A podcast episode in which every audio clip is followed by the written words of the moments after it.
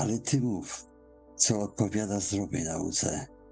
We wszystkim stawiaj siebie za wzór dobrego sprawowania przez niesfałszowane nauczanie i prawość, przez mowę szczerą i nienaganną, aby przeciwnik był zawstydzony, nie mający nic złego o nas do powiedzenia, albowiem objawiła się łaska Boża, zbawienna dla wszystkich ludzi, nauczając nas, abyśmy wyrzekli się bezbożności, światowych porządliwości i na tym doczesnym świecie wstrzemięźliwie, sprawiedliwie i pobożnie żyli, oczekując błogosławionej nadziei i objawienia chwały wielkiego Boga i Zbawiciela naszego, Jezusa Chrystusa, który dał samego siebie za nas, aby nas wykupić od wszelkiej nieprawości i oczyścić sobie lud na własność, gorliwy w dobrych uczynkach.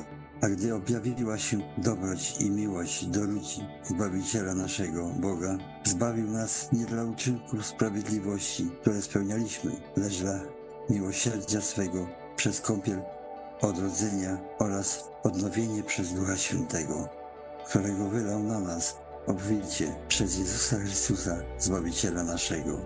Abyśmy usprawiedliwieni łaską Jego stali się dziedzicami żywota wiecznego, którego nadzieja nam przyświeca.